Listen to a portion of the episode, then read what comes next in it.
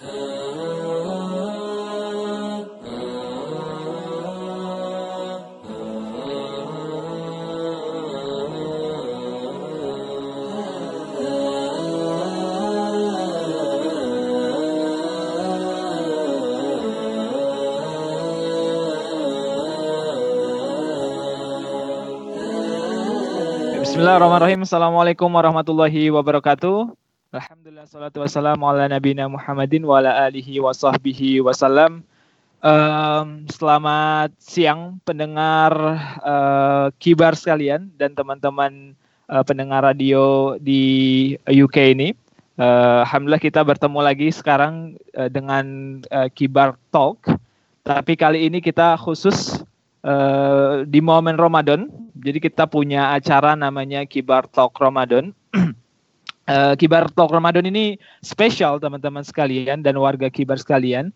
Uh, kenapa? Karena yang pertama tentu ini adalah uh, momen untuk mengisi mengisi keseharian kita di bulan Ramadan yang sangat yang sangat berkah ini.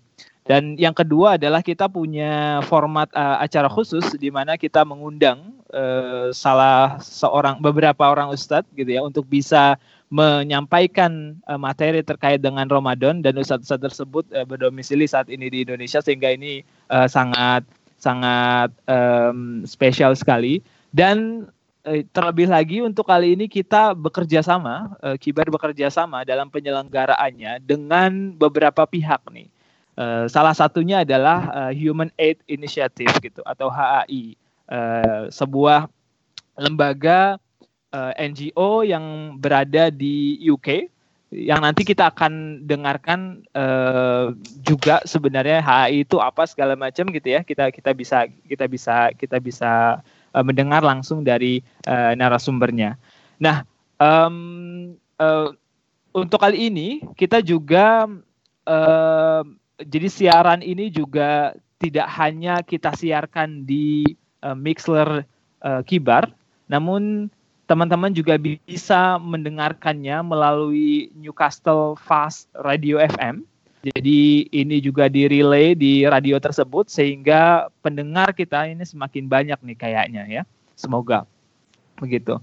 Oke, Teman-teman sekalian, uh, Kibar Talk Ramadan kali ini kita mengusung temanya cukup uh, cukup beragam. Uh, kita akan melaksanakan Kibar Talk Ramadan itu setiap hari Jumat setiap Ramadan. Dan untuk kali ini kita memulai dengan tema yang uh, penting nih, sangat penting sekali, terutama untuk teman-teman yang berada di UK, yaitu adalah menjaga stamina ketika beribadah gitu ya.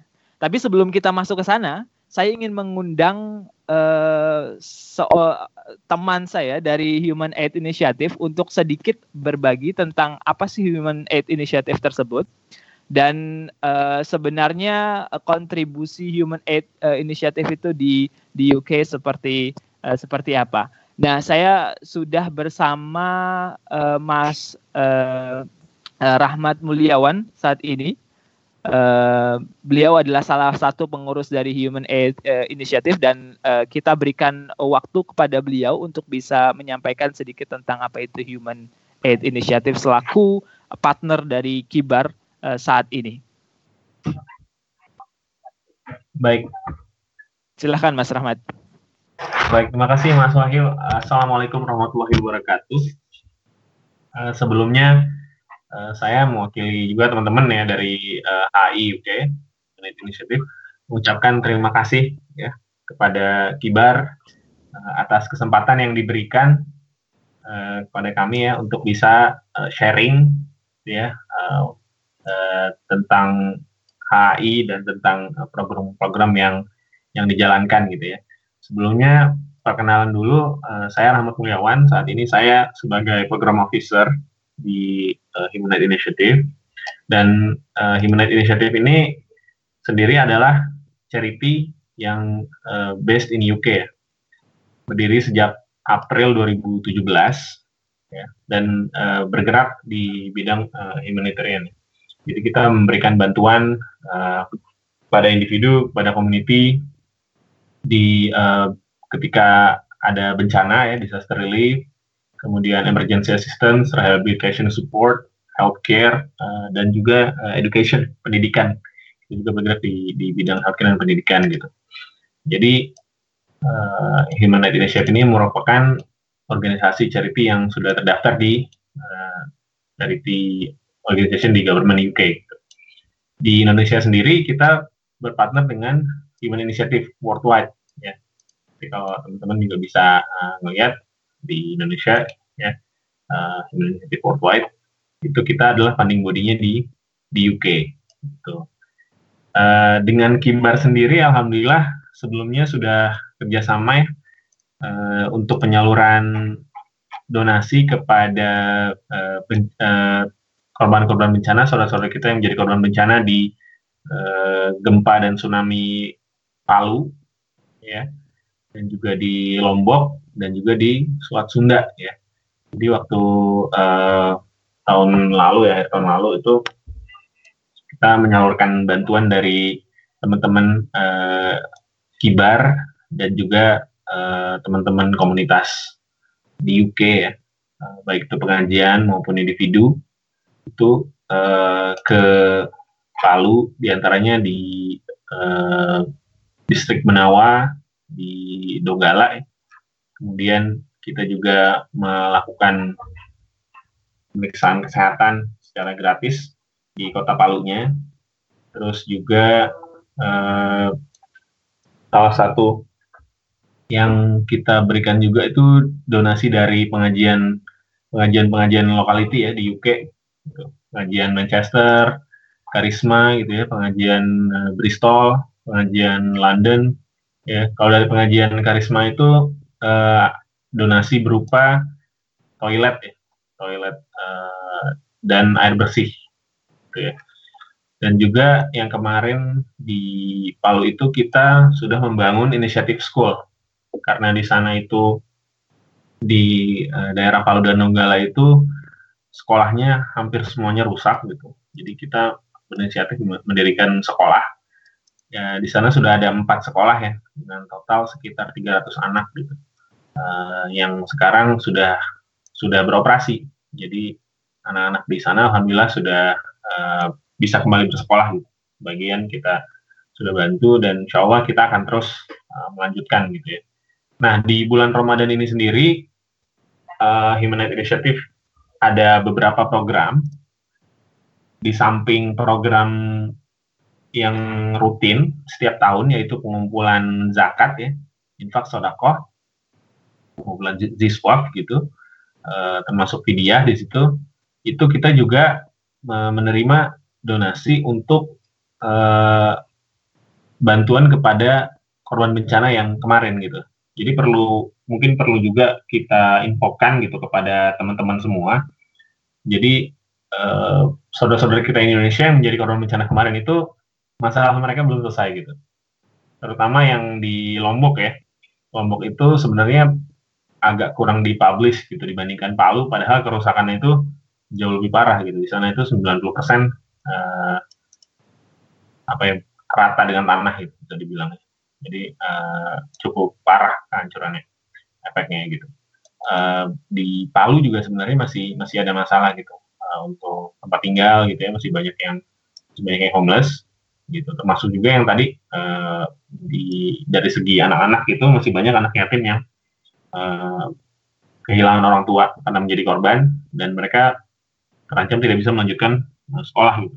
Sehubungan dengan itu makanya kita bikin program uh, food aid ya di Ramadan ini untuk berbagi kita di sini di di UK gitu, dan mungkin teman-teman di Indonesia di daerah yang lain alhamdulillah bisa merasakan Ramadan dengan dengan uh, aman ya yang kita mungkin berpikirnya kita nanti buka mau uh, makan apa gitu ya jadi kita punya pilihan makanan gitu. Kita bisa ya, makan tempe atau makan daging atau makan ayam kayak gitu. Masak apa nih gitu.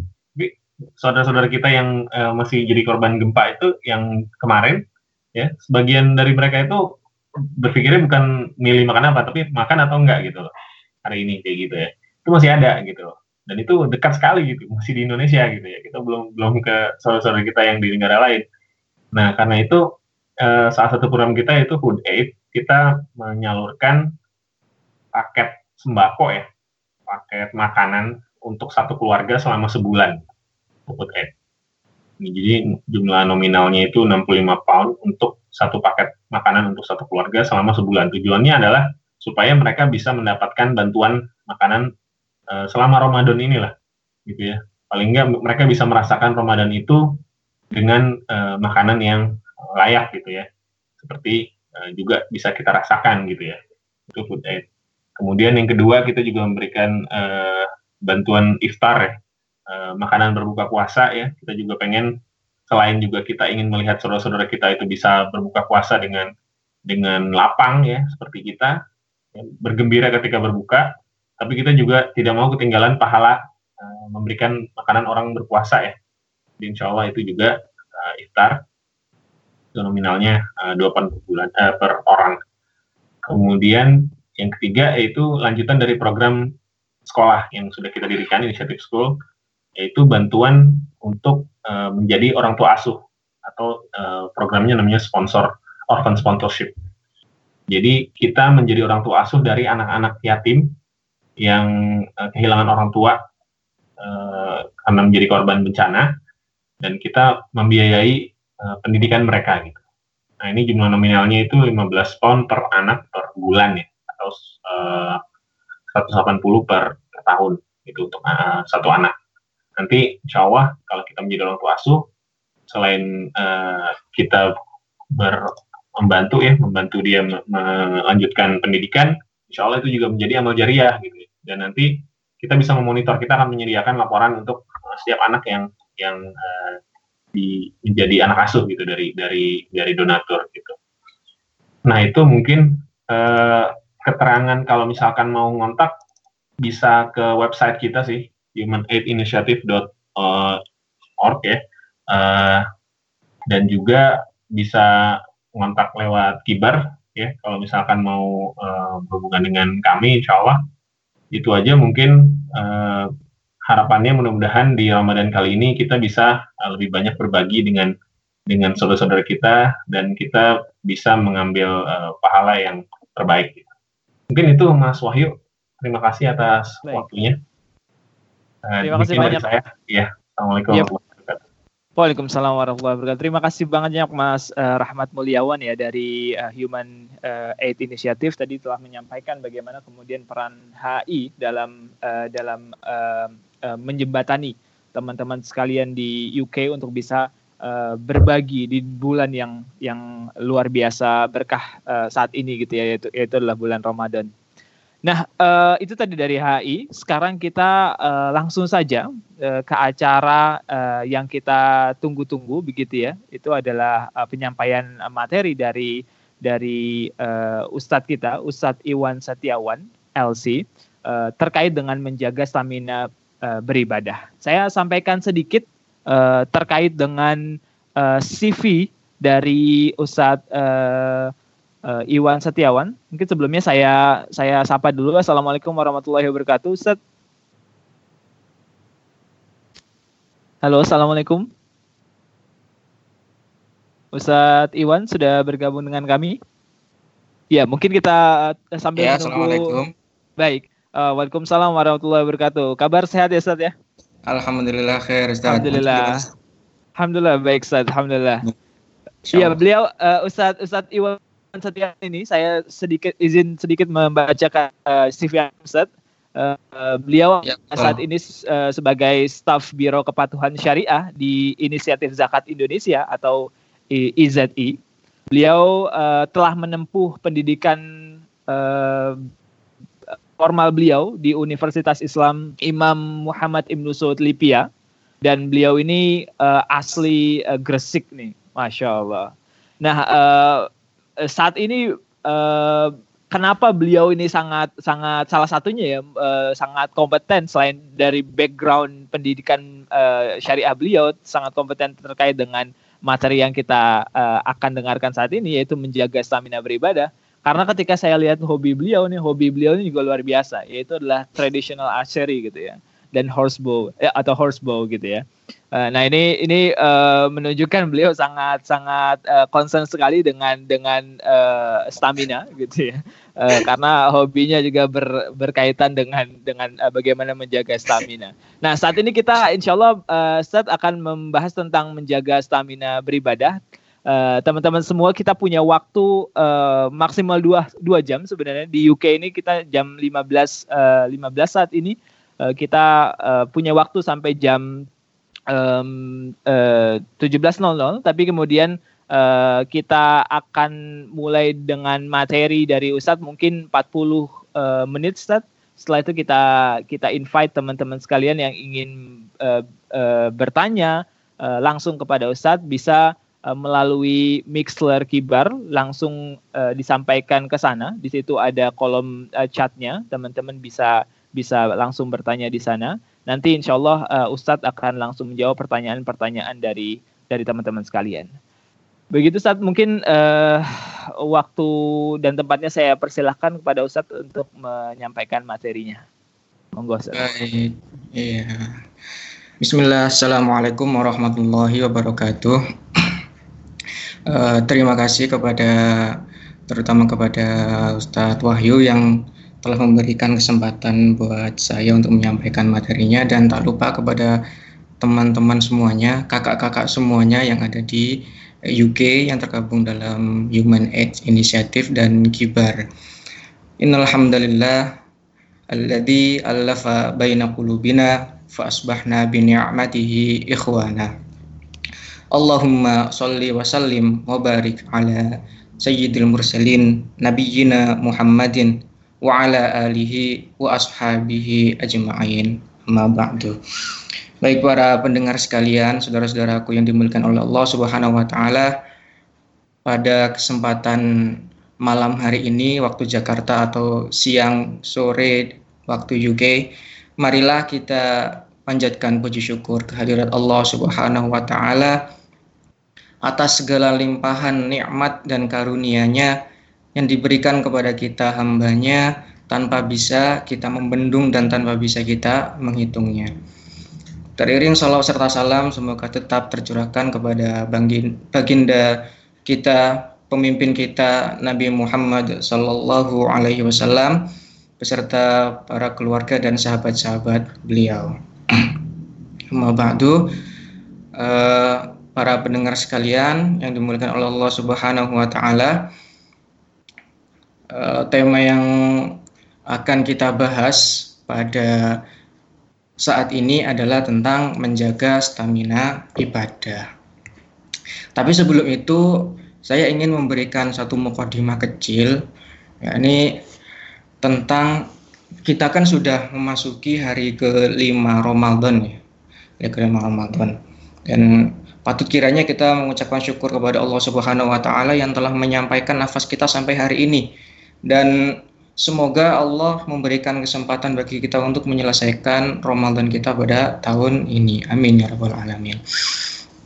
Saudara yang dimuliakan Allah, ada seorang ulama dari madhab, madhab Hambali, tokoh dari madhab Hambali bernama Ibnu Rajab, rahimahullah. Beliau dalam kitab Lataiful Ma'arif yang beliau tulis, menukil sebuah ucapan dari seorang tabi' tabi'ain, dari ulama salaf ucapan dari Mu'ala bin Fadl ini berbunyi kanu yad'una Allah sittata ashhur an yuballighahum Ramadan wa yad'unahu sittata ashhur an yataqabbala minhum.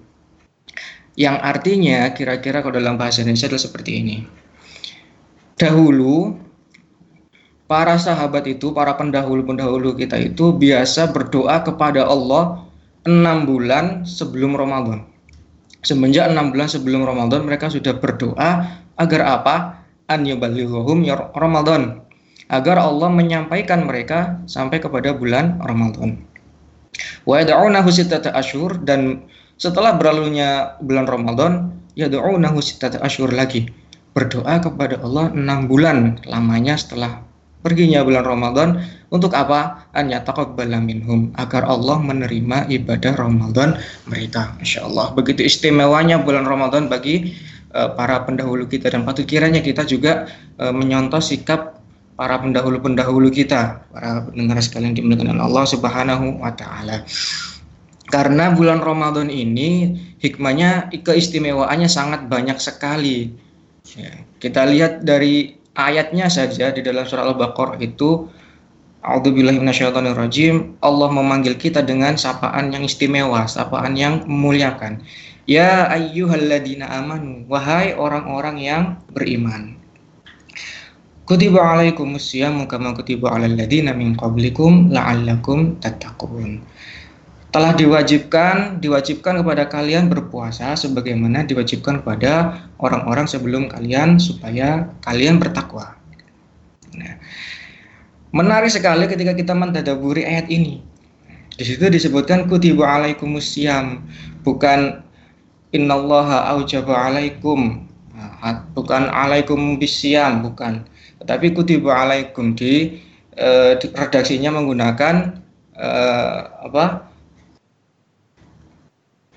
Eh, mabni majul fi'il madi kutiba telah diwajibkan atas kalian Kemudian la'allakum tatakun. Nah, agar kalian bertakwa menggunakan fi'il mudhari yang berartinya adalah kontinuitas sebenarnya bertakwanya itu.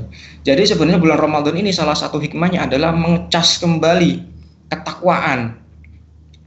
Jadi salah satu dari yang dirindukan oleh para sahabat itu adalah mengecas ketakwaan itu sendiri di mana di bulan Ramadan ini Nah, setelah berlalunya bulan Ramadan maka ketakwaan akan meningkat kembali selama satu tahun. Kemudian dicas kembali di bulan Ramadan bertakwa lagi, nanti cas lagi bertakwa lagi. Nah kira-kira seperti itu ketika kita mentadaburi ayat dan tidak sembarangan apa hanya mengecas menambah daya kembali ketakwaan tetapi di dalam bulan Ramadan itu selain kita juga berupaya kalau dalam istilah beberapa saudara kita itu ada yang namanya suluk ya.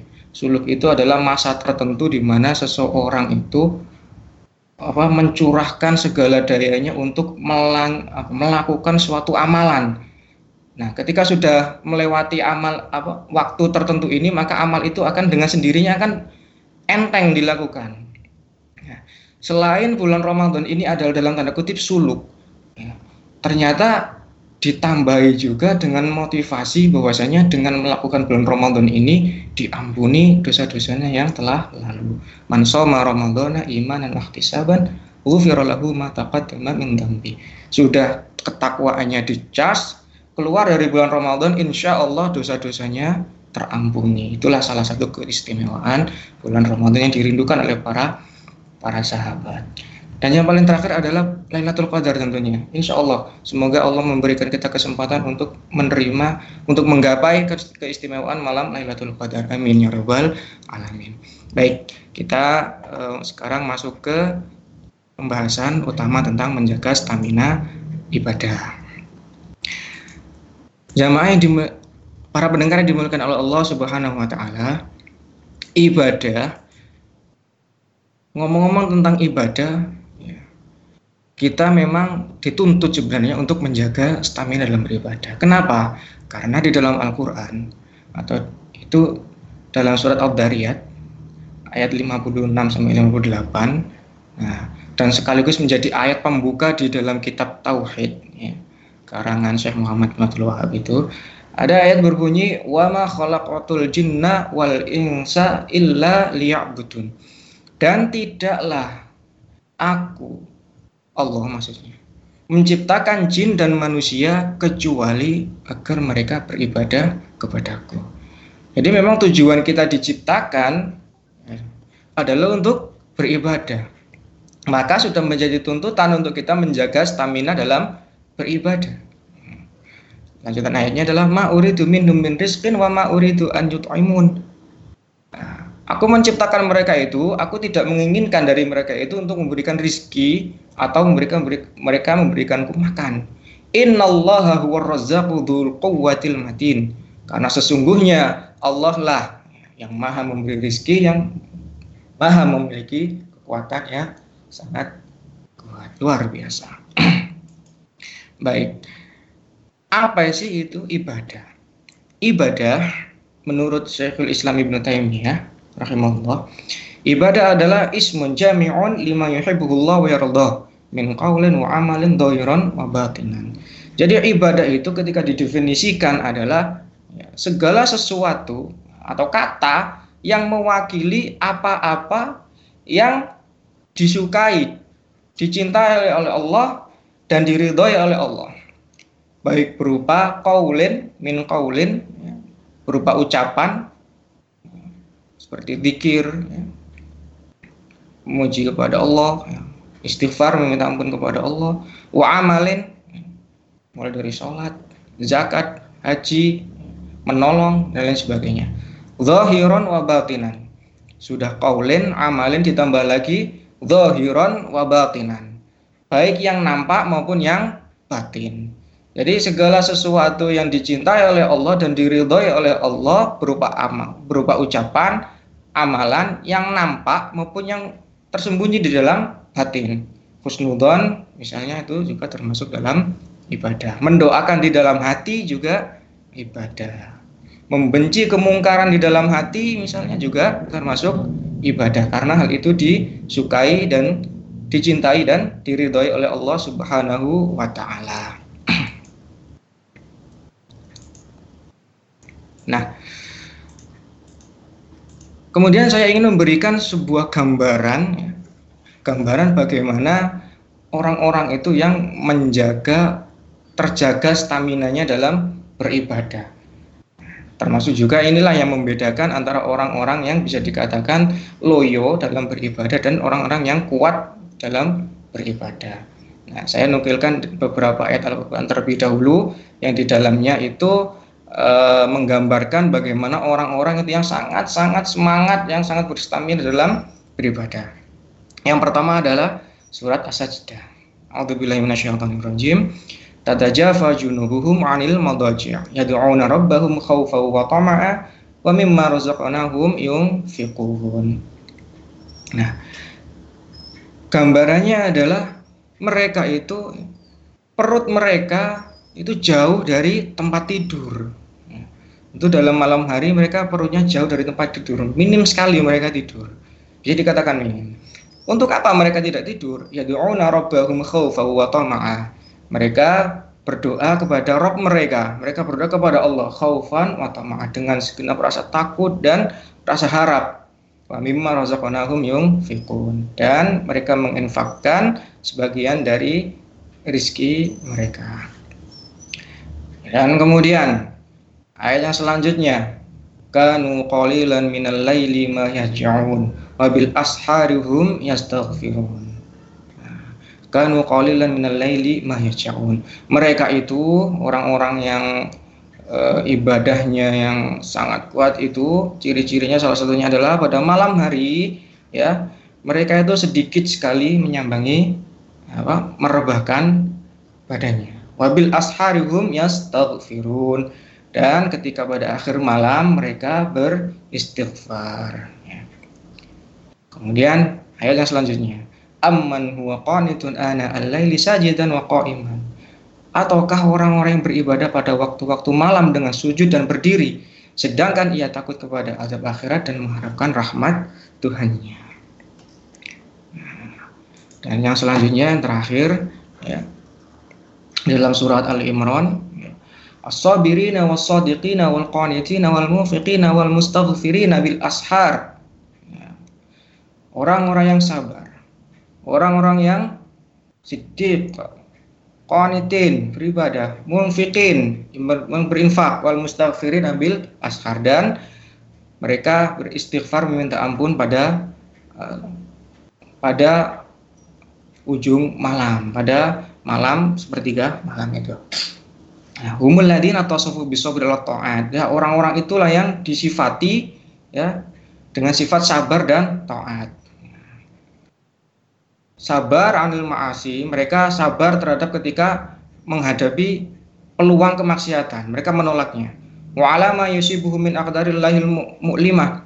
Mereka juga bersabarnya itu terhadap eh, takdir-takdir Allah yang menguji, yang bersifat menguji, yang sakit, memberikan rasa sakit, menguji. Habis itu fil aqwali wal af'al dan mereka jujur, benar dalam perkataan dan perbuatan wabil ta'ati tammah dan dengan ketaatan yang sempurna. Wabil infaqi sirran wa alaniyah dan menginfakkan baik dengan sembunyi-sembunyi maupun terang-terangan. Dan pada malam hari, nah ini kita masuk di sini nih poinnya. Syahidnya di sini. Wabil istighfari fi akhiril lail dan mereka melazimkan membiasakan istighfar pada akhir malam. Itu adalah gambaran bagaimana stamina-stamina ibadah dalam Al-Qur'an. Tidak hanya pada uh, ibadah yang diwajibkan saja seperti sholat lima waktu, menunaikan zakat, tapi ada sesuatu yang sebenarnya bukan waktunya ibadah lagi itu. Nah, sebenarnya itu waktunya orang-orang untuk beristirahat, tapi mereka masih tetap mencurahkan tenaganya untuk bangkit, ya jauh dari tempat tidur, tidak merebahkan badan mereka. Justru mereka berharap kepada Allah, meminta ampun kepada Allah. Baik, itu kalau di dalam Al-Quran. Mungkin kita pernah mendengar ya, mendengar su suatu kalimat para pendengar sekalian yang dimuliakan Allah, para sahabat itu disifati dengan ruhbanul lail wa fursanun nahar. Para sahabat itu adalah para rohib pada malam hari. Pada malam hari rohib. Rohib itu uh, seperti ini kiasan saja, gini saja seperti itu apa uh, pendeta beribadahnya itu khusyuk sekali pada malam hari dan jadi katakan lebih banyak untuk beribadahnya pada malam hari dan pada siang harinya mereka fursan. Ada yang mengartikan singa, tapi fursan, fursan itu adalah kesatria. Pada siang hari mereka itu kesatria dan pada malam hari mereka fokus untuk beribadah. Nah, kapan mereka istirahatnya? Stamina macam apa seperti ini? Gitu. Pertanyaan itu stamina macam apa seperti ini? Nah, gambarannya sampai para sahabat itu mendapatkan gelar ruhbanul lail wa fursanun nahar itu ya kita bisa bercermin pada peristiwa perang Zatur Riqa. Ya, perang Zatur Riqa salah satu perang yang eh, terberat bisa dikatakan berat sekali oke itu. Nah, itu terjadi pada Rabiul Awal tahun 7 Hijriah setelah perang Khaybar. Nah, pada tahun 7 Hijriah ini Eh, terutama pada tiga bulan terakhir itu ya banyak sekali peristiwa-peristiwa besar. Ada tiga, ada tiga peristiwa besar. Salah satunya adalah perjanjian Hudaybiyah. Ya, kemudian dilanjut dengan apa penyerbuan ke Khaybar. Nah, kemudian dilanjutkan lagi ke apa perang Dhatur Riqa itu ke daerah kabilah Ghatafan. Ya, mereka tidak beristirahat pada tiga bulan terakhir bagaimana mereka beristirahat baik pada perang Taturiko itu ya, kaum muslimin dipimpin oleh Rasulullah Shallallahu Alaihi Wasallam langsung ya, melawan uh, melawan kaum Ghatafan.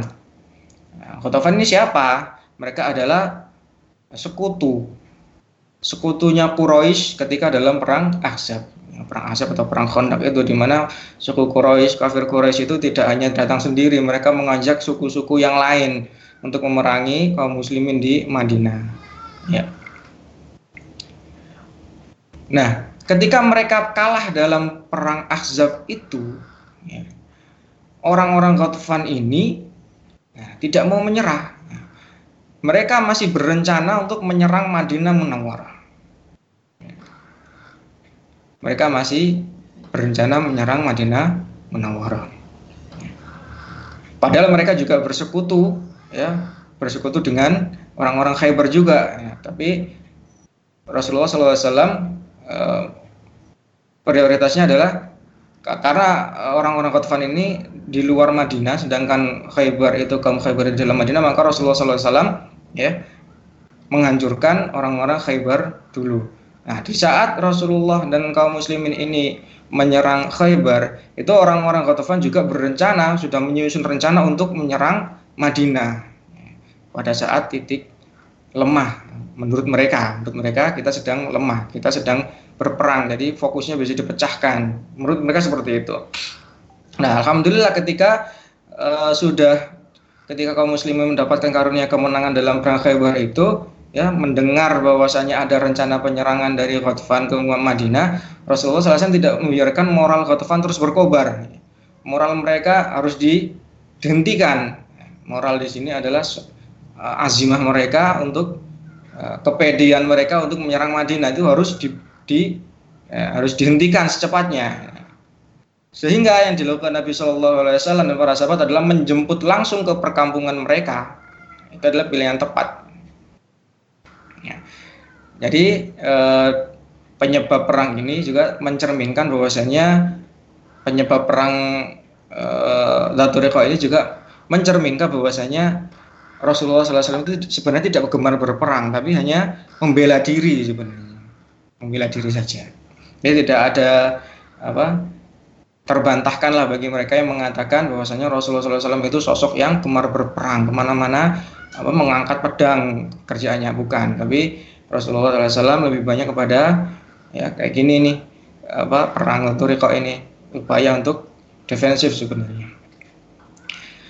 Nah perjalanan menuju ke Kotofan ini sangat berat dengan perbekalan yang bisa dikatakan minim. Satu unta itu untuk ditunggangi enam orang, sehingga banyak sekali sahabat-sahabat itu yang kakinya terluka hingga kukunya terlepas sehingga dibalut dengan kain. Nah, seberat-berat perjalanan kita itu sih, apakah sudah seberat para sahabat? Paling kalau yang kita rasakan itu ya paling kaki itu baret-baret lecet gitu kena sepatu mungkin ya. Tapi kalau para sahabat itu, masya Allah ketika perang Khatafan itu kakinya sampai terluka, kukunya terlepas lalu dibalut dengan kain. Gitu. Nah singkat cerita, sekembali dari Khatafan dengan bahwa kemenangan ya Ketika dalam perjalanan pulang pada malam hari, Rasulullah SAW mengutus kelompok sahabat untuk berjaga. Sementara yang lain beristirahat. Nah, kelompok yang bertugas berjaga ini di dalamnya ada Amr bin Yasir dan Abad bin Bishr. Nah, pada malam itu Abad meminta Amr untuk tidur lebih dahulu. Amr, kamu tidur dulu, aku yang jaga. Yes. Sembari berjaga, ya, apakah ya, kira-kira ya, menurut kita siangnya itu sudah kepayahan sebenarnya. Siangnya sudah kepayahan. Furusan-furusan ini siangnya sudah kepayahan, kakinya terluka, kuku terlepas. Tapi apa yang dilakukan pada malam hari ketika berjaga, ya, abad ini memilih untuk sholat malam. Ya. Masya Allah stamina-nya, ya. kakinya sudah terluka, ya kan? bebannya dengan beban yang sangat berat, tapi masih menyempatkan juga untuk sholat malam. Ya. Padahal itu kan waktu cocok sekali untuk istirahat saja.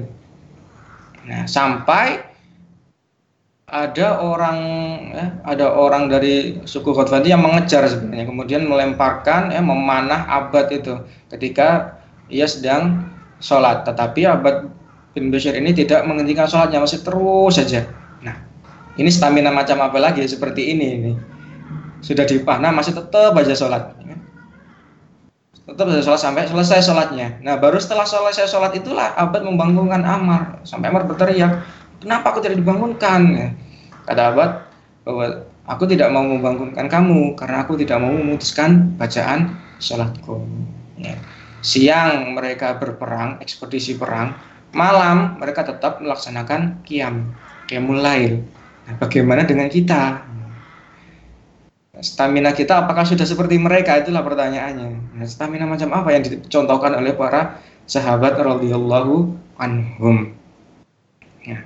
ada contoh yang lain lagi nih ketika berkecamuknya perang Khaybar ada Ja'far bin Abi Thalib radhiyallahu an ya beliau ini baru tiba dari Habasyah dari Ethiopia sebenarnya Ja'far radhiyallahu an ini juga merasakan kecapean.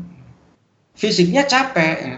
Tapi ketika mendengar bahwasanya para para apa? para sahabat yang lain itu sedang melakukan ekspedisi penyerangan ke Khaybar, ya. Beliau langsung nyusul juga, padahal baru nyampe gitu. Baru nyampe dari dengar, oh itu para sahabat yang lain bersama Rasul ke Khaybar, langsung beliau menyusul meskipun dengan fisik yang sudah letih Nah, tidak hanya itu, apakah setelah perang Khaybar selesai kemudian eh, Ja'far mengajukan ya Rasul, lah sudah selesai saya istirahat dulu enggak, tapi Ja'far ini ikut lanjut ke Ghatfan juga untuk apa mengikuti ekspedisi perang Laturiqa tadi. Nah, ada sahabat yang lain, ya. Abu Musa al-Ash'ari radhiyallahu an. Kalau Ja'far tadi datang dari Habasyah, Abu Musa ini datang dari Yaman. Sama-sama masih dalam keadaan letih fisiknya, ya. Kemudian beliau langsung menyusul juga sahabatnya Ja'far bin Abu Talib dan yang lainnya ke Khaybar. Dan setelah itu lanjut lagi ke Ghadfan, perang Zatul Riqab. Seperti itulah e, mereka tak kenal lelah ya. Ini ini uh, masya Allah ini apa namanya stamina-nya inilah yang membuat kita terkagum-kagum ya. Tentu stamina seperti inilah yang kita harapkan, yang kita harapkan agar uh, ada juga pada diri kita.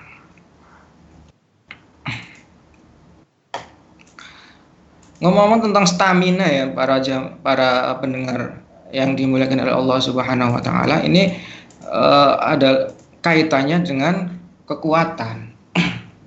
Di mana Allah itu mencintai al-mu'minul qawi itu khairun wa habbu ilallah. Orang mukmin yang kuat itu lebih baik dan lebih dicintai oleh Allah minal mu'min al-dhaif daripada orang-orang mukmin yang lemah.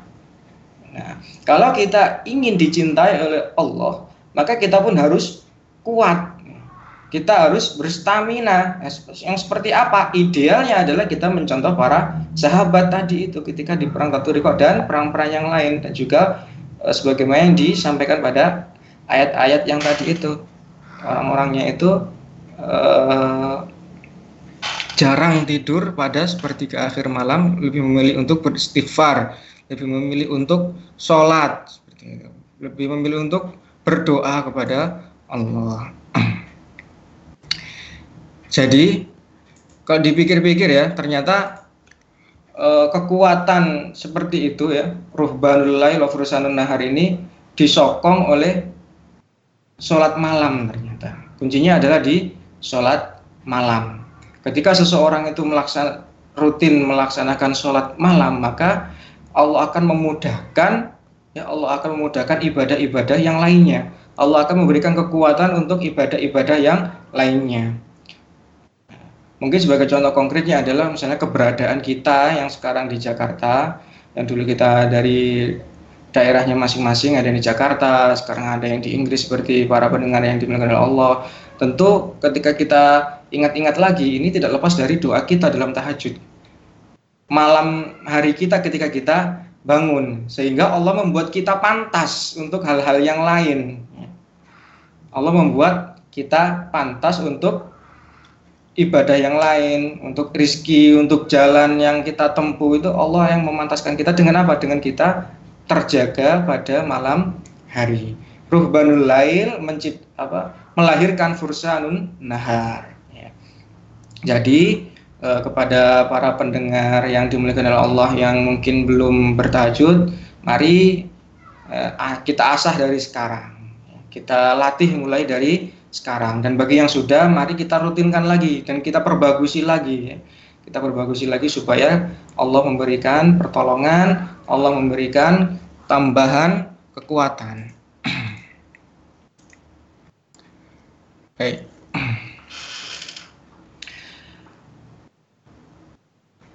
Bagaimana ya bagaimana agar ibadah kita itu yang penuh dengan semangat itu ya konsisten. Tentu ibadah kita itu tugas kita di dunia ini di mana Allah menciptakan kita itu agar untuk beribadah, maka di situ, di situ dibutuhkan sebuah konsistensi sebenarnya. Jadi bukan hanya musiman saja. Ibadahnya itu ya ketika dimulai ketika kita akil balik, ketika kita sudah e, berstatus sebagai mukallaf sampai Allah memanggil kita lagi. Ya, dari awalnya dari situ sampai akhir Allah memanggil kita lagi, itu kita harus konsisten dalam beribadah. Tentu harus dengan latihan-latihan baik itu fisik maupun mental maupun spiritual semua harus dilatih. Nah, bagaimana cara melatihnya? Nah, cara melatihnya adalah ketika dalam sebuah hadis dijelaskan bahwasanya ya Allah itu eh, ahabul a'mali ilallahi alaihi redaksi lengkapnya seperti ini kurang lebih. Ayyuhan nas alaikum minal a'mal matutikun wahai manusia ya, kerjakanlah ya, kerjakanlah amal-amal yang kalian kuat. Apa yang kalian mampu lakukan lakukan. Apa yang kalian mampu kerjakan ya. fa innallaha ya, karena Allah la yamal Allah itu tidak bosan bosan untuk apa mencatat amal kita ya. Allah Maha Adil Allah tidak bosan untuk membalasnya hatta tamallu Allah tidak akan bosan kecuali kalian itu bosan sendiri gitu. Ya. kecuali bosan sendiri jadi eh, yang namanya futur kalau menurut hadis ini ya lumrah adanya Nah, bagaimana agar tidak futur dan gampang untuk bangkit lagi ya? Ini ada sebuah isyarat dalam hadis ini yang tadi saya sebutkan di awal potongannya wa inna habal a'mali ya, dan sesungguhnya amal yang dicintai oleh Allah itu yang paling dicintai di sisi Allah itu adalah madwi ma'alaihi yang dirutinkan yang dirutinkan wa in meskipun sedikit konsistensi dalam ibadah. Dimulai dari yang kecil-kecil dari mulai dari dimulai dari yang mudah untuk dilaksanakan kemudian berlanjut berjenjang kemudian yang paling berat. Seperti itu. Nah konsistensi ibadah inilah meskipun ibadahnya itu ringan dalam dalam kacamata manusia ini e, bisa mengantarkan kita kepada khusnul khotimah karena ya ajal manusia itu ketika sudah manusia itu kalau sudah sampai pada uh, penghujung hayatnya itu biasanya dipanggil oleh Allah itu dalam keadaan apa yang dia biasa lakukan seperti itu ya. yang biasa bermaksiat yang berbiasa uh, memutar musik-musik yang tidak berfaedah yang biasa menyanyikan lagu-lagu yang seperti itu maka besar kemungkinan naudzubillah maka diambilnya nanti dalam keadaan yang seperti itu. Bagi mereka yang biasanya baca Al-Quran, sedikit-sedikit baca Al-Quran, sedikit-sedikit dikir, ingat kepada Allah, nanti di akhir hayatnya juga insya Allah ya, besar kemungkinan akan juga di dipanggilnya juga dalam keadaan seperti itu. Semoga kita ya, saya dan para pendengar semuanya dan teman-teman di HI dan Kibar dijemput oleh Allah dalam keadaan husnul khatimah. Amin ya rabbal alamin. Ini saya ada contoh dan kebetulan kebetulan ini adalah uh, kakek saya sendiri. Ya Allah maghfir lahu. Ya. Saya mohon kepada para pendengar sekalian untuk juga mendoakan almarhum mbah saya. Nah, beliau ini ya uh, termasuk sosok yang menginspirasi juga bagi saya pribadi dan semoga juga menjadi sosok yang menginspirasi juga bagi para pendengar sekalian. Beliau ini bukan ustadz, beliau ini juga bukan uh, apa ya, bukan tokoh yang penting-penting amat lah, bukan. Biasa saja beliau ini. Cuman perbedaannya dengan kita, yang saya tahu, yang saya tahu adalah beliau ini kalau malam nggak pernah meninggalkan sholat malam nggak pernah mendengar sholat malam dan ada amalan yang tidak pernah beliau tinggalkan. Pernah dulu waktu kecil itu ya saya ganggu sampai beliau telat melaksanakan amalan ini. Apa itu? Yakni beliau ini e, seorang muadzin. Hanya muadzin bukan ustadz ya. bukan orang tokoh-tokoh penting tapi beliau hanya seorang muadzin. Kebetulan e, rumahnya itu dekat dengan masjid. Rumah beliau itu dekat dengan masjid di daerah Gresik sana Nah, uh, masya Allah, barakallah ya, pada Juni 2008 Allah memanggil beliau itu ketika adzan subuh. Jadi uh, belum sampai asyhadu alla baru Allah akbar Allah akbar ya, menurut kesaksian uh, tetangga-tetangga itu beliau sudah nafas apa sudah tidak bisa nggak nggak ada terusannya lagi lah uh, adanya kemudian orang-orang pada muslimin ternyata uh, Allah sudah memanggil mbah saya nah, seperti itu ya. amal-amal yang kecil. Mari kita rutinkan semoga dengan amal yang itu juga uh, Allah memanggil kita di penghujung usia kita. Nah, di dalam uh, surat Al-Ankabut Allah memberikan motivasi kepada kita. Meskipun amal itu kecil ya. Meskipun amal itu kecil apabila kita bersungguh-sungguh untuk menjaganya, untuk konsisten ya.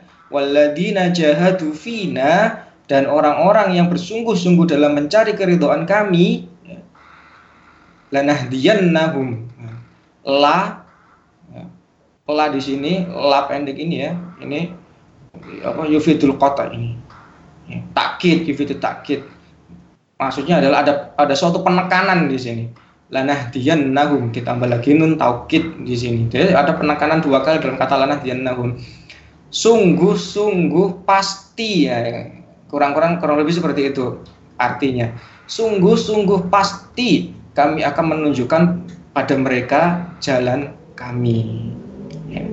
dengan amalan yang kita sungguh-sungguh melaksanakannya meskipun kecil bersungguh-sungguh dan konsisten pasti kami akan menunjukkan pada mereka jalan kami ya dibukakan kepada mereka, dibukakan kepada kita dan para pendengar yang dimuliakan oleh Allah ini ya jalan Allah. Termasuk di dalamnya adalah memudahkan kita untuk melaksanakan ibadah-ibadah yang lain. Wa innallaha lama'al muhsinin.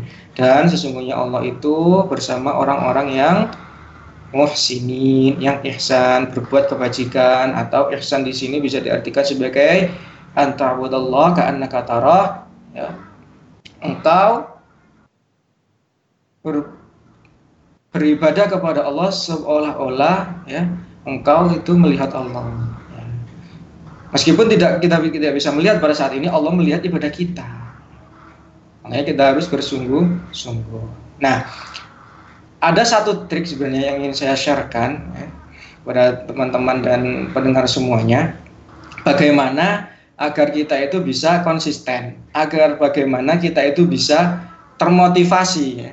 Salah satunya adalah ya, salah satunya ini saya share satu saja karena ini yang memang saya, saya rasa berhasil ya untuk untuk untuk saya lakukan. Yakni hendaknya kita itu ya menyediakan waktu tertentu untuk memacu diri memaksimalkan suatu amalan di gaspol ya, istilahnya seperti itu di gaspol misalnya pada bulan Ramadan ini misalnya kita gaspol ngajinya, kita gaspol sholat taraweh dan tahajudnya, gitu.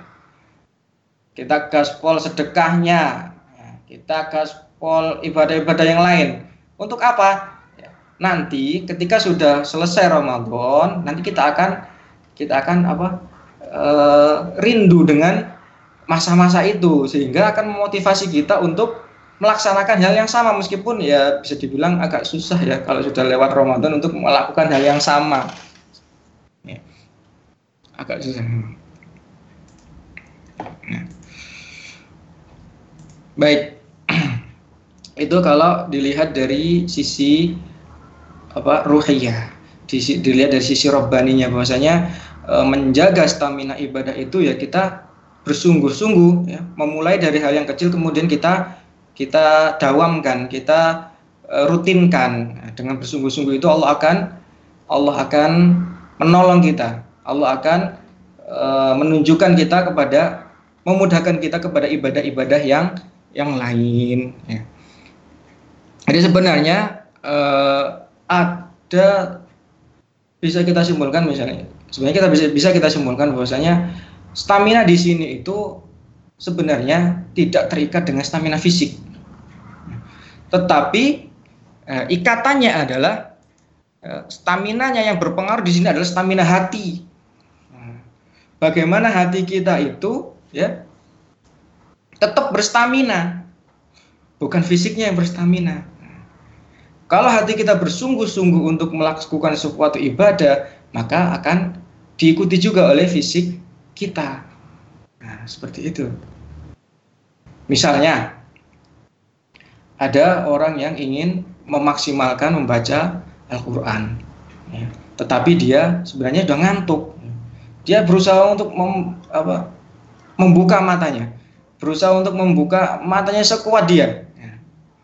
Itu dalam keadaan ngantuk ya. Ketika sudah ketiduran dan bangun lagi, maka dia akan lebih maksimal lagi. Jadi yang perlu diperhatikan pertama kali adalah stamina dari hatinya dulu. Stamina dalam kolbunya dulu nanti akan menular kepada fisiknya. nah, ada beberapa kiat agar kita bisa menjaga stamina dalam beribadah. Yang pertama, tentu kita juga harus melihat e, memperhatikan fisik juga ya. ya.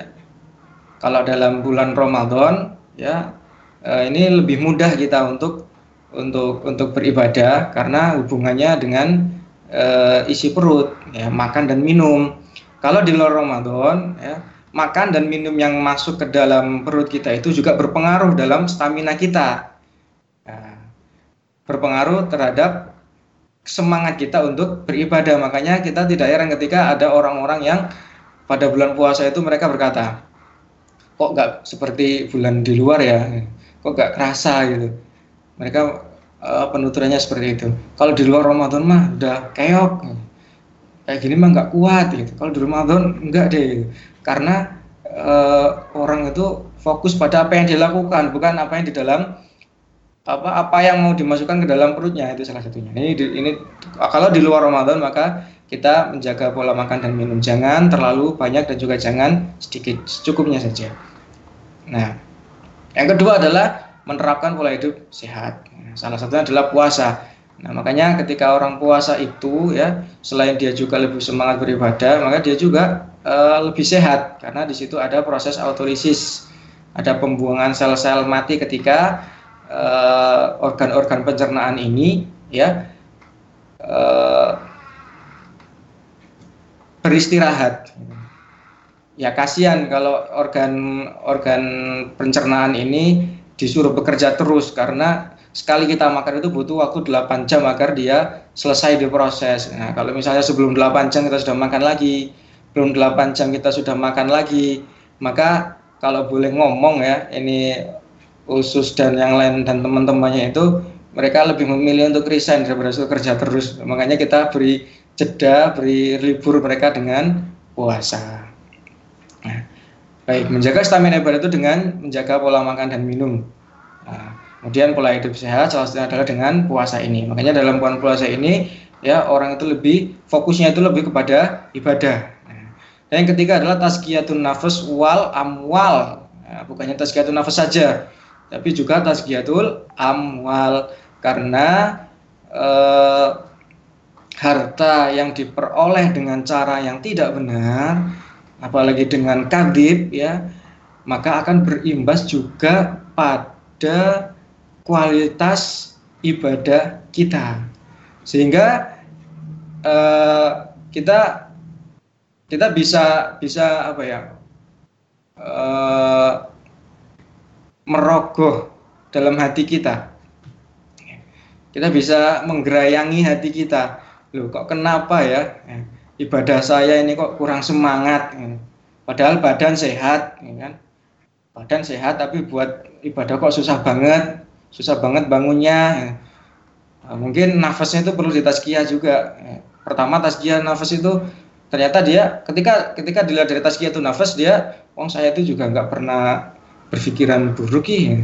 Nah, ber, berlanjut pada tazkiyatul amal. Mungkin di dalam hartanya itu ada ya, ada harta-harta yang diperoleh dengan cara yang tidak dibenarkan secara syar'i seperti itu. Atau mungkin zakatnya belum dikeluarkan. Jadi kalau misalnya kita kurang bersemangat dalam ibadah, maka jangan lupa juga untuk kita patut curiga dengan harta yang kita miliki. Selanjutnya menjaga panca indera dari godaan buruk. Ya. Nah ini ini tidak di bulan Ramadan ini panca indera kita itu tercenderung terjaga karena puasa itu selain puasa secara fisik menahan dari makan minum dan hal-hal yang membatalkan puasa ya kita juga puasa secara maknawi juga secara batini juga kita berpuasa ya, kita nggak mau lah nggak mau kalau misalnya kita itu puasa itu hanya hanya menghasilkan lapar dan dahaga saja kita nggak akan mau itu. Ya.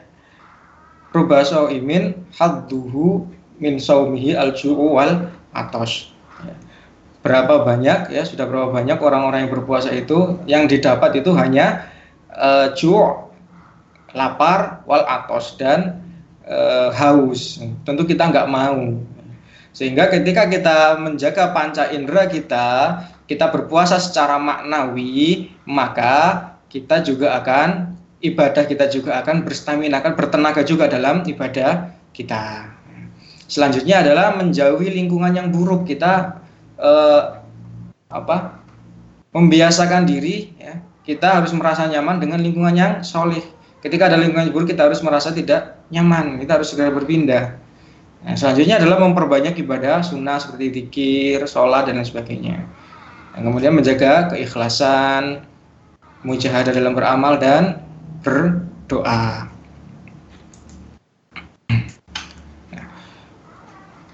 Agar diberikan apa kontinuitas, agar kita istiqomah dalam beribadah dan juga ibadah kita itu bersemangat ya. Kita tidak bisa bersandar pada diri kita sendiri kita tidak bisa bersandar pada tenaga kemampuan fisik kita. Tidak bisa. Maka kita dianjurkan juga agar berdoa. Berdoa kepada Allah agar diberikan ya semangat, tenaga, stamina dalam beribadah. Kita tidak boleh hanya bersandar, oh aku sehat, maka pasti nanti sholat terawihnya kuat. Ya. Aku sehat kok, nanti gampang lah bisa bangun kalau malam hari. Susah kalau kita juga tidak berdoa. Kalau kita hanya bersandar kepada fisik kita saja, maka apa bedanya kita dengan orang-orang ya, yang di dalam cerita umat-umat terdahulu terhibur dalam Al-Quran yang mereka itu hanya ketika diberikan rezeki oleh Allah mereka mengatakan ini adalah dari amalku ya, korun kayak korun misalnya ya. maka kita juga dianjurkan agar berdoa agar kita diberikan semangat dalam beribadah salah satu doanya adalah sudah kita hafal bersama-sama yang pertama adalah Allahumma inni a'udzubika minal hammi wal hazan. Ya Allah, sesungguhnya aku berlindung kepadamu dari kegelisahan dan kesedihan, wal ajzi wal kasal dan dari sifat lemah dan malas. Nah, wal ajzi wal kasal. Kita berdoa kepada Allah agar kita dilindungi dari sifat apa? Rasa malas dan lemah. Wal bukhli wal jubni. Dan kikir serta ya, jubun takut. Ya, kemudian wa ghalabati wa ini wa ghalabati rijal. Dan ya belenggu hutang dan kesewenang-wenangan manusia. Nah, itu doa yang lebih panjang. Kemudian lebih pendek lagi yang biasa kita baca di dalam sholat jangan lupa agar setelah sholat ya jangan lupa agar kita berdoa Allahumma a'inni ala dzikrik ya Allah tolonglah saya untuk senantiasa mengingatmu, berzikir kepadamu, wasyukrik dan bersyukur kepadamu, wa husni ibadatik dan uh, memperbagusi ya ibadah kepadamu. Nah, menarik sekali di sini. Allahumma a'inni, ya Allah tolonglah aku. Allah ya, Rasulullah SAW mengajarkan kita agar kita itu ya meminta tolong justru bukan bersandar kepada diri kita, fisik kita bukan, tapi kita meminta tolong kepada Allah agar apa? Agar kita itu ya bisa ya, istiqomah dalam dikir, syukur dan beribadah. Jadi agar semangat dalam beribadah ya selain fisiknya juga harus dijaga, kemudian ada az, azimah, ada tekad yang kuat, ada juga ketundukan di dalam hati ada ketundukan di dalam hati, meminta kepada Allah, ya Allah, untuk istiqomah dalam beribadah kepadamu, aku juga membutuhkan pertolonganmu. Aku membutuhkan pertolonganmu. Aku tidak bisa bersandar kepada diriku sendiri. Aku meminta pertolonganmu. Maka dari itu ya Allah, seperti itu. Para uh, pendengar yang dimuliakan oleh Allah Subhanahu wa taala.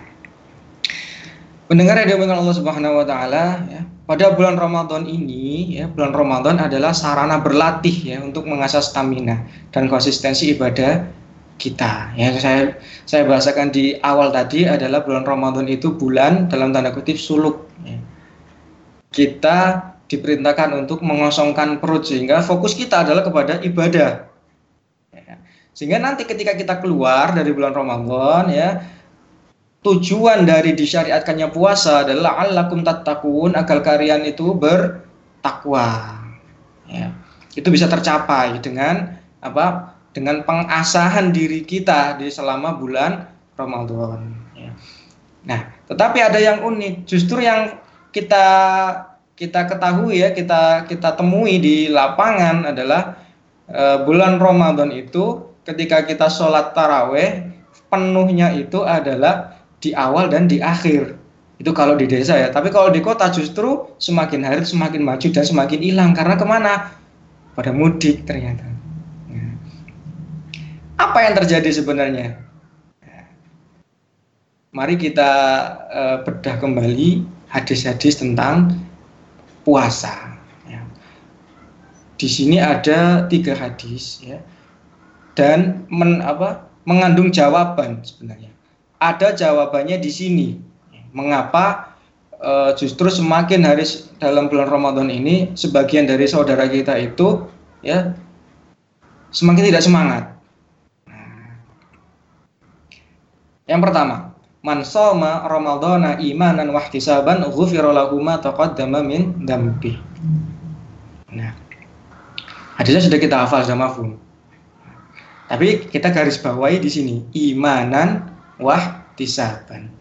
Barang siapa yang berpuasa pada bulan Ramadan imanan wah tisaban dengan menghadirkan segenap keimanannya dengan ikhlas dan hanya berharap kepada keridhaan Allah semata, maka diampunilah dosanya ghufirallahu ma taqaddama min Diampunilah dosa-dosanya yang telah lalu.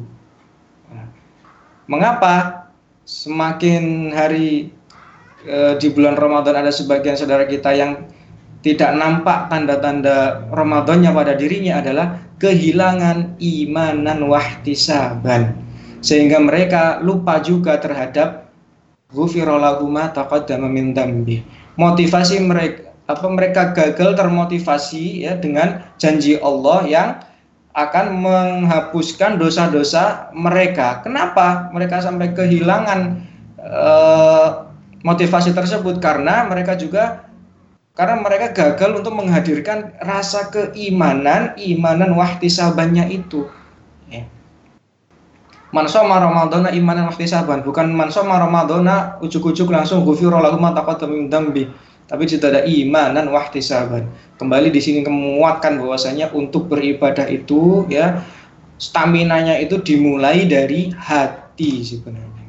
Dimulai dari hati imanan wahtisaban ketika tadi di uh, disebutkan oleh uh, Ustadz Wahyu bahwasanya saya suka panah sebenarnya kan. Yang sebenarnya panah itu juga uh, terutama dalam horsebow ya pengalaman saya itu kita tidak bisa bersandar pada kekuatan bahu kita tidak bisa sebenarnya. Sama sekali tidak bisa. Karena apa? Karena panah tradisional ini yang dipakai oleh Rasulullah dan para sahabat. Ya. Oma romaita itu romaita walakin Allah Roma. Sesungguhnya tidaklah engkau melemparkan anak panahnya itu ya, kecuali Allah lah yang melesatkan. Jadi ketika saya menarik stringnya itu ya. Saya tidak bergantung kepada bidikan tidak bergantung juga kepada bahu ya tidak juga bergantung pada uh, kit yang saya gunakan. Tetapi kembali lagi kepada ayat wa ma ramaita itu ramaita walakin Allah kembali lagi kepada hati ini kepada hati. Ketika hati kita sudah mantap untuk menarik itu ya kita sudah memantaskan diri untuk menarik itu maka Allah lah yang akan melesatkannya. Sebagaimana dengan ibadah juga yang lain. Ketika di dalam hati kita ini sudah termotivasi, sudah terstamina hati kita, maka fisiknya secara otomatis juga akan ngikut. Fisiknya juga akan ngikut. Atau ketika fisiknya tidak mampu, maka hatinya akan terus, terus, dan terus termotivasi untuk beribadah. Jadi dihidupkan dulu stamina dalam hatinya. Makanya dalam sholat itu kan ketika tidak mampu untuk berdiri maka dengan duduk. Tidak mampu dengan duduk maka dengan berbaring. Ya. Sehingga uh, ketika ada orang yang mau sholat, dia tidak mampu untuk berdiri maka dengan duduk. Ketika dia hanya bersandar pada kemampuan fisiknya, ya, nah untuk bila ketika iman imannya itu menurun misalnya, oh saya sakit kok nggak bisa ngapa-ngapain, sholat juga susah, ya, biarinlah gitu. Nggak akan dia akan berpikir seperti itu karena uh, maka hatinya dulu yang harus di stamina Wa man qama lailatul qadri imanan wa ihtisaban yang selanjutnya. Ghufira lahu ma taqaddama min dambi. Dan orang-orang yang menjemput Lailatul Qadar itu ya yang qama Lailatul Qadri yang sholat pada malam Lailatul Qadar itu mengharapkan kedatangan Lailatul Qadar itu disemangati oleh apa?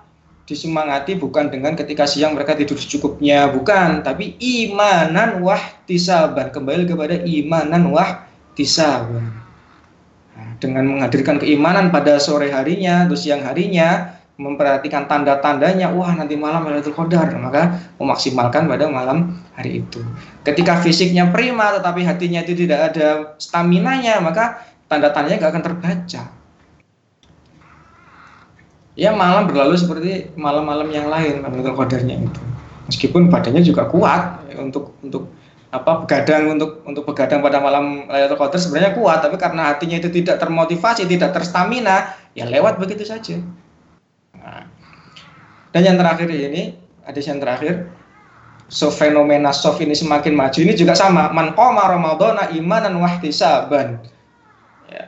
barang siapa yang ya menghidupkan sholat pada malam Ramadan ya termasuk dalam taraweh dan tahajud itu iman dan wahtisaban iman dulu dan ikhtisab dulu ya menghadirkan keimanan dulu dan ikhlas hanya mengharap kepada Allah dulu dihidupkan stamina hatinya maka dia akan kuat melaksanakan sholat Ramadan dari awal awal hari sampai akhir hari dari awal rakaat sampai akhir rakaat tidak hanya di awal Ramadan saja kemudian di akhir eh, semakin hilang ya sehingga jamaahnya softnya semakin maju. Atau ada yang misalnya dia biasa sholat 11 rakaat kemudian uh, ketemu dengan jamaah yang 23 rakaat sudah 8 rakaat pulang. Ya, ada juga yang seperti itu ya. Padahal Rasulullah SAW menjanjikan bahwasanya siapa saja yang sholat uh, taraweh itu dengan imam dari awal sampai selesai maka dia akan mendapatkan pahala uh, apa sholat malam semalam suntuk ya. karena apa karena hatinya hatinya itu yang belum terstamina iman dan ikhtisabnya itu belum terpasang belum terasa gitu. seperti itu nah uh, sebelum saya menutup uh, materi ini ya, dan sebagai pembahasan yang terakhir saya berpesan kepada diri saya pribadi dan juga kepada para pendengar sekalian yang dimuliakan Allah Subhanahu wa taala, mari ya, mari kita menjadikan bulan Ramadan pada tahun ini sebagai bulan ya, atau masa-masa yang kita rindukan. Ada satu hadis, hadis yang menceritakan tentang eh, apa manisnya iman, manisnya iman. Apa korelasinya nanti akan saya sebutkan di belakang. Salah man kunna fihi halawatal iman. Ada tiga perkara yang apabila tiga perkara ini ada pada diri seseorang ya dia akan merasakan nikmatnya iman. Nah, dengan cara-cara inilah dia bisa memasukkan iman dan wahtisaban ke dalam hatinya. Salah satu caranya adalah dengan kita mengikuti hadis ini. Bagaimana agar kita kuat berpuasa, kita kuat untuk menggapai mencari malam Lailatul Qadar agar sholat taraweh kita itu istiqomah dari awal sampai akhir ya. Ya, hadis ini bisa menjadi motivasi kita. Salasun man kunna fi wajadabina halawatal iman. Ada tiga perkara ya yang apabila terkumpul pada diri seseorang dia akan merasakan manisnya iman. Jadi dia susah seseorang itu akan susah untuk menghadirkan iman kalau dia tidak bisa merasakan manisnya iman itu. Nah, seperti apa sih manisnya iman itu? Ya, kriterianya adalah salah satunya mangkanallahu wa rasuluhu ahabba ilaihi mimma siwahuma. Barang siapa, ya siapa saja yang menjadikan Allah dan Rasulnya itu lebih dicintainya, lebih dicintainya, ya daripada selain keduanya wa yuhibbal mar'a la yuhibbuhu illa lillah. Dan apa dia tidak akan mencintai seseorang ya saudaranya kecuali kecintaan itu adalah lillahi taala. Wa an yakrah an ya'uda fil kufri ba'da an anqadahu Allahu min kama yakrahu an yuqdafa finnar dan dia membenci ya kembali kepada kekufuran setelah Allah setelah Allah menolongnya dari kekufuran itu sebagaimana dia itu benci dilemparkan ke dalam neraka. Nah, saya tidak membahas tentang Allah bagaimana Allah lebih dicintai Rasul Allah dan Rasul lebih dicintai dan bagaimana dia mencintai seseorang karena Allah tapi saya fokuskan pada yang terakhir ini. Wa an yakrah an ya'uda fil kufri. Dia membenci kembali kepada kekufuran setelah Allah menolongnya tentu kekufuran di sini bukan berarti kita sebelumnya ini non muslim bukan tapi bisa diartikan sebagai kita dulunya misalnya punya masa-masa di mana kita itu jauh dari Allah kita punya masa-masa jauh dari Allah dan kita benci masa-masa itu. Karena masa-masa itu bisa saja menjadi sebab kita dilemparkan ke dalam neraka. Nah, e, kaitannya dengan kita menjadikan bulan ini sebagai bulan yang kita rindukan adalah bulan yang menjadi tolok ukur bagaimana kita bisa menggeber ibadah kita setelah bulan Ramadan adalah kita menjadikan bulan Ramadan sebagai bulan yang kita rindukan. Karena apa? Di dalam usul fikih, usul fikih itu ada yang namanya kaidah mafhum mukhalafa. Suatu dalil kita maknai dengan makna yang terbalik dari redaksinya. Kalau di sini dikatakan bahwasanya kita membenci kembali kepada kekufuran, kembali ke, kembali kepada masa-masa kejahiliahan kita dulu, ya maka ada sesuatu yang kita rindukan.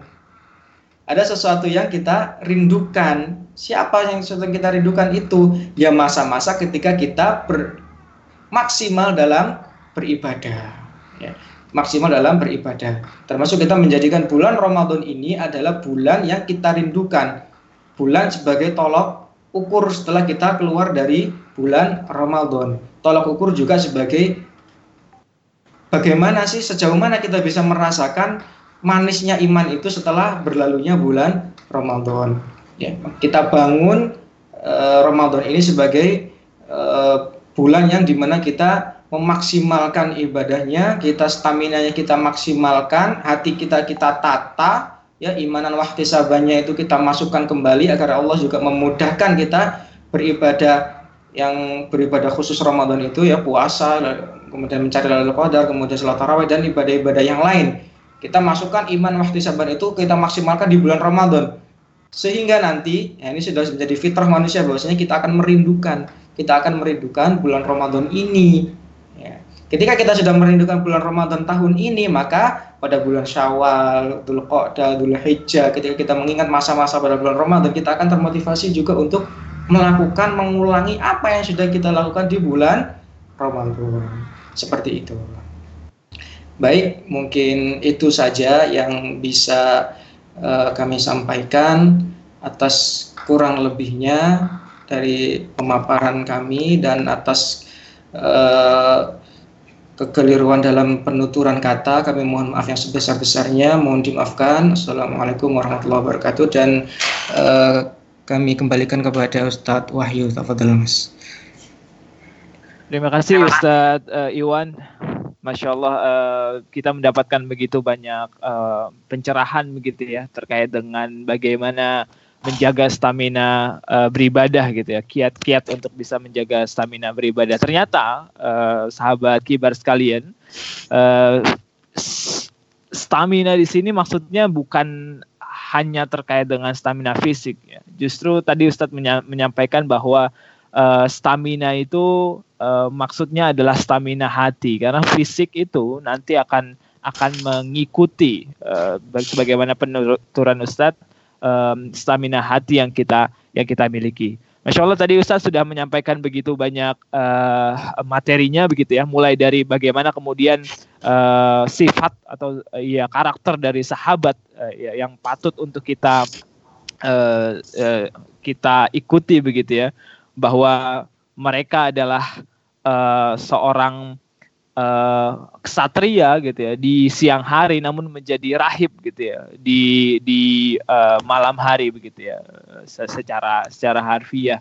Nah, uh, Ustaz juga telah memper uh, gitu ya bagaimana kemudian karakter itu uh, ada di siroh-siroh uh, para sahabat begitu ya bagaimana ke ke stamina para sahabat yang pagi siang berperang gitu bahkan sudah berbulan-bulan berperang gitu kemudian malamnya tetap menjalani uh, ibadah-ibadahnya bukan karena mereka mungkin fisiknya saja yang kuat begitu tapi kemudian juga karena uh, hati mereka gitu ya yang yang uh, stamina hati mereka yang uh, terjaga begitu makanya kemudian Ustadz tadi menyampaikan ada beberapa kiat yang mungkin bisa kita gunakan untuk menjaga stamina uh, ibadah kita.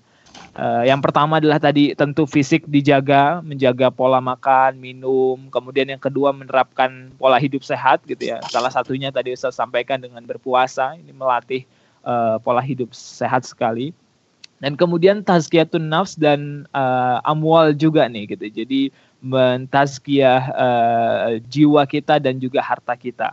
Kemudian uh, Ustaz menyampaikan juga untuk menjaga panca indera kita dari hal-hal yang buruk gitu ya, karena itu berpengaruh terhadap uh, ibadah-ibadah kita selanjutnya. Kemudian menjauhi lingkungan yang buruk, memperbanyak ibadah sunnah, menjaga keikhlasan, mujahadah gitu ya, bersungguh-sungguh dalam uh, beramal. Dan kemudian juga jangan lupa kita perlu perlu ber, berdoa kepada Allah Subhanahu wa taala. Karena memang um, tadi uh, uh, apa namanya kekuatan yang hakiki itu sesungguhnya adalah apa yang uh, Allah berikan kepada uh, kepada kita gitu ya. Dan uh, Ustadz juga sampaikan tadi yang sangat penting sekali uh, um, apa namanya uh, sering kali semangat Ramadan kita kalau dalam konteks Ramadan ini itu terkikis begitu ya terutama di akhir-akhir Ramadan itu karena kehilangan motivasi uh, tentang iman dan wahtisaban tadi kata kalau kata Ustadz ya motivasi bahwa Allah akan menghapuskan dosa-dosa uh, kita begitu apabila kita menjalankan Ramadan dengan keimanan dan uh, perlu eh, per, uh, apa namanya uh, penuh ikhtisab begitu ya. Dan terakhir Ustadz juga sampaikan bahwa uh, ad, uh, kita perlu menjadikan Ramadan ini sebagai masa-masa yang uh, kita rindukan gitu ya. Uh, karena sebagaimana uh, pemahaman terbaik terbalik dari tiga perkara tadi ya yang yang yang bisa bisa agar kita bisa merasakan manisnya, iman. Tadi yang terakhir adalah membenci uh, untuk kembali kepada kekufuran uh, sebelum Allah menolongnya begitu ya. Apabila kita bisa memberikan kesan baik begitu ya dan kemudian uh, jatuh cinta begitu pada Ramadan kita kali ini kita akan uh, merindukan begitu Ramadan-Ramadan uh, selanjutnya. Dan untuk beramal sebagaimana yang telah kita lakukan di uh, Ramadan uh, tahun ini begitu.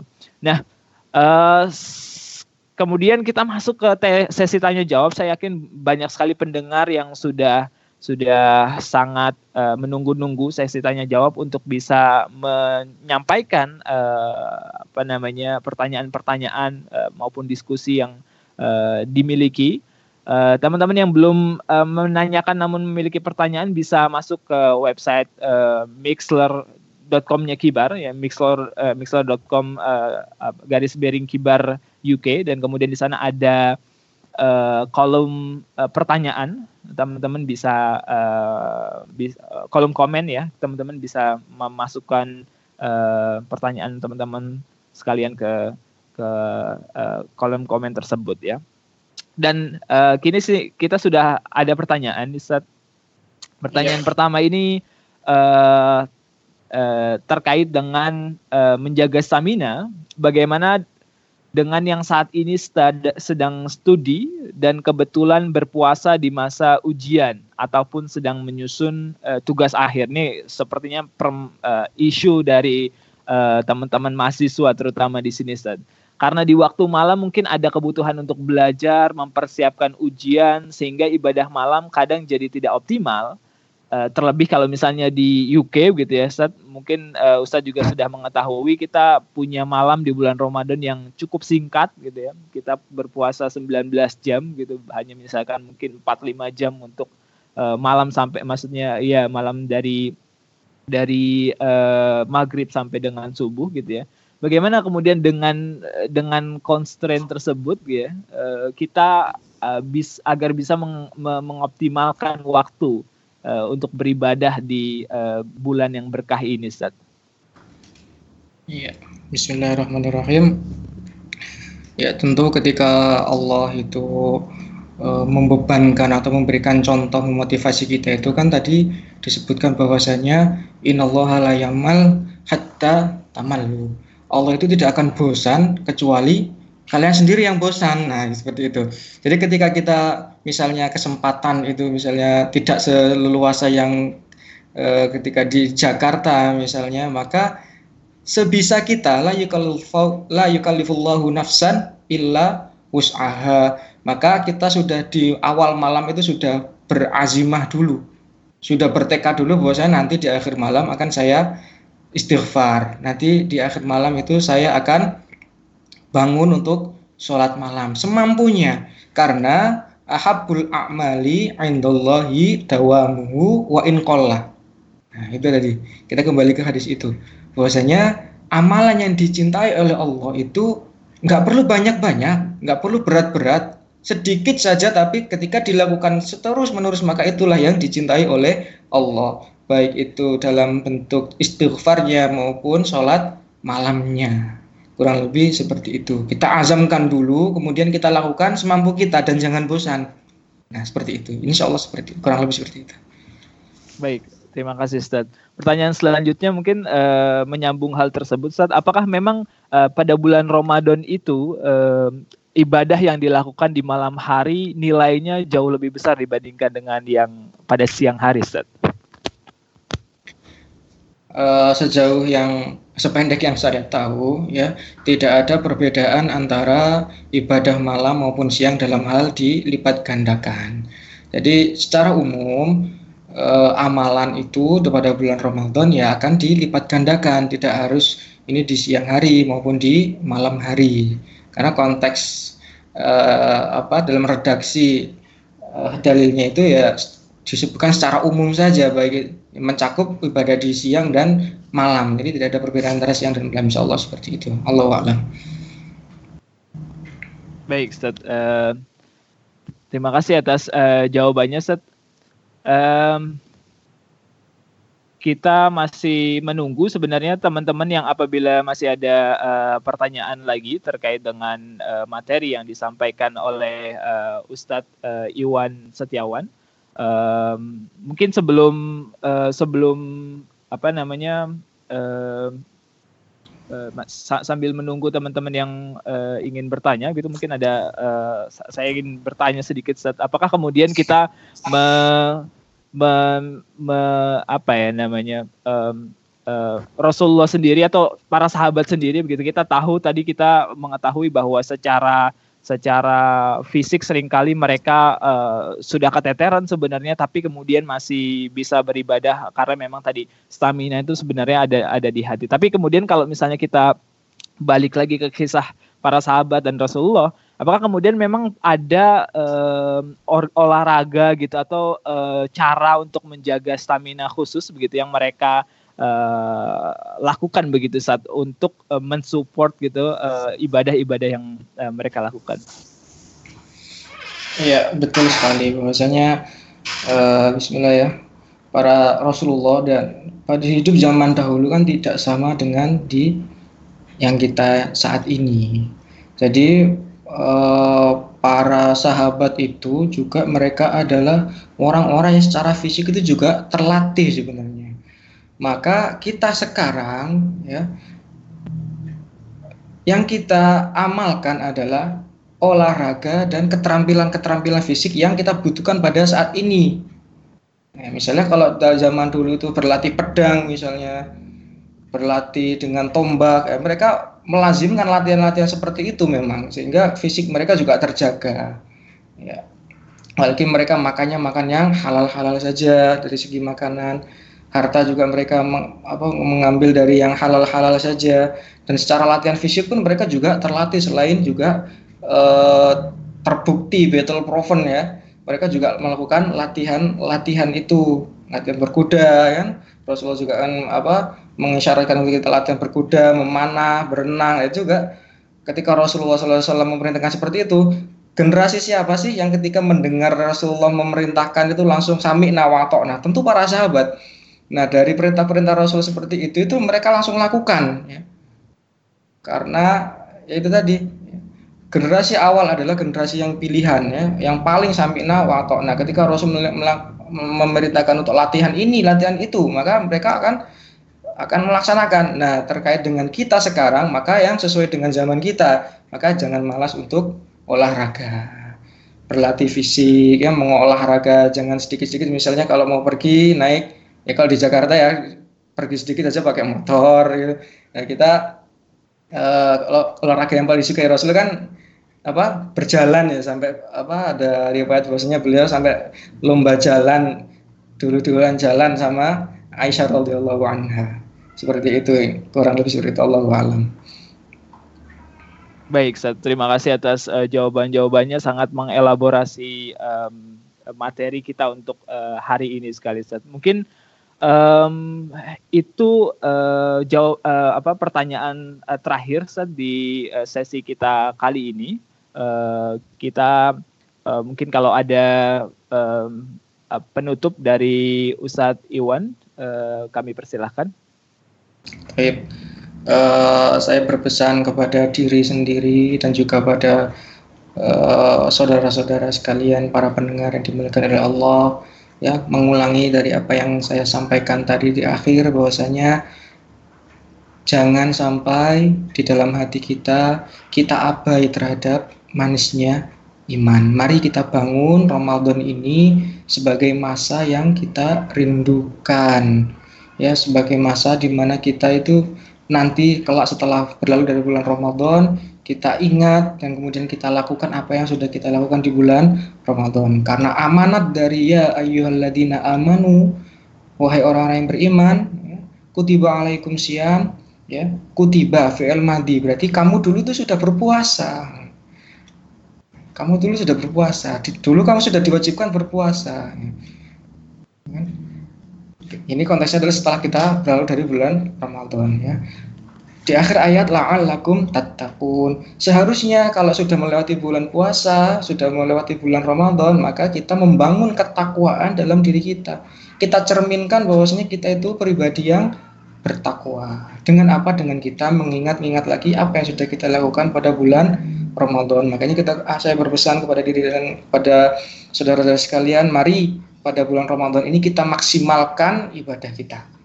Kita maksimalkan yang pada bulan Ramadan dulu itu yang belum membaca Al-Qur'an maka kita baca sekarang satu juz dua juz setiap hari ya. Yang masih ibadahnya cenderung masih ikut-ikutan, mari kita kita ikhlaskan, kita iman dan ihtisaban pada bulan Ramadan ini secara full, secara maksimal sehingga bisa menjadi tolak ukur kita ketika nanti sudah keluar dari bulan Ramadan. Oh, saya rindu bulan Ramadan. Saya saya dulu seperti ini, maka saya ingin lagi ingin mengulangi lagi dan seperti itu. Maka pribadi yang bertakwa itu bisa di benar-benar bisa kita raih dengan Ramadan pada bulan ini dan semoga Allah menerima bulan Ramadan kita ini pada Ramadan kita semoga Allah memudahkan kita untuk e, memaksimalkan ibadah pada bulan Ramadan dan semoga Allah memberikan kita kemenangan setelah pada bulan Ramadan. Mungkin itu saja pesan saya kepada diri dan kepada uh, saudara-saudara sekalian dimuliakan Allah. Ya, mohon maaf sebelumnya dan terima kasih sebesar-besarnya kepada teman-teman, kepada kakak-kakak sekalian yang memberikan kesempatan pada saya untuk uh, berbagi, untuk sharing tentang tentang apa uh, stamina ini tentang beribadah karena ini sangat penting sekali ya untuk menasihati diri sendiri tentunya dan insya Allah nanti juga bermanfaat kepada kepada para pendengar ya. Dan ketika para pendengar nanti ya kita sudah di akhirat ya. Misalnya saya belum ketemu ya nanti tolong cari saya di Naudzubillah misalnya kalau saya masih di neraka mohon ditolong ya. Mohon ditolong dengan dengan apa dengan kita sudah pernah sharing seperti inilah kita saya meminta nanti untuk ditolong seperti itu. Mungkin itu saja Ustaz Wahyu.